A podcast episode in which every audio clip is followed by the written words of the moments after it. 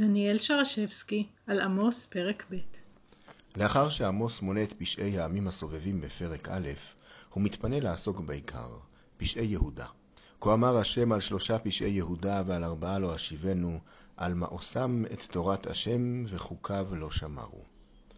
הנביא נוקט לשון קשה, העם מואס בתורה.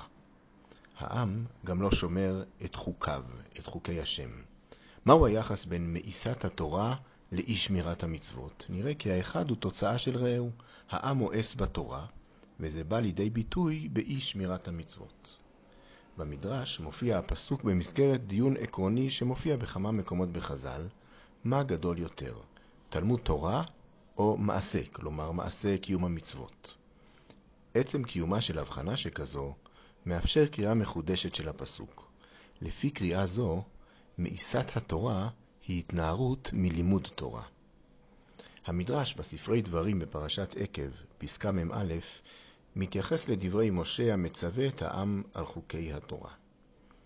ולמדתם אותם ושמרתם לעשותם, אומר המדרש, מגיד שמעשה תלוי בתלמוד, ואין תלמוד תלוי במעשה. וכן מצינו שאנש על התלמוד יותר מן המעשה. ואומר, אצלנו בעמוס ב' ד', כה אמר השם, על שלושה פשעי יהודה ועל ארבעה לא אשיבנו, על מעושם את תורת השם וחוקיו לא שמרו.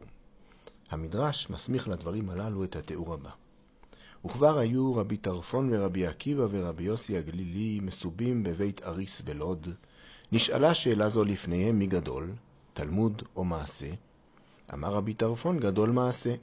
רבי עקיבא אמר גדול תלמוד. ענו כולם ואמרו גדול תלמוד, שהתלמוד מביא לידי מעשה. בעולמם של חז"ל, לימוד התורה הוא ערך בפני עצמו. מעשה תלוי בתלמוד, ואין תלמוד תלוי במעשה. ההכרה בערכו העצמאי של הלימוד מעלה שאלה רלוונטית בתרבות הישראלית בכלל, וביחס למיזם 929 בפרט, מהו ערכו של לימוד תורה?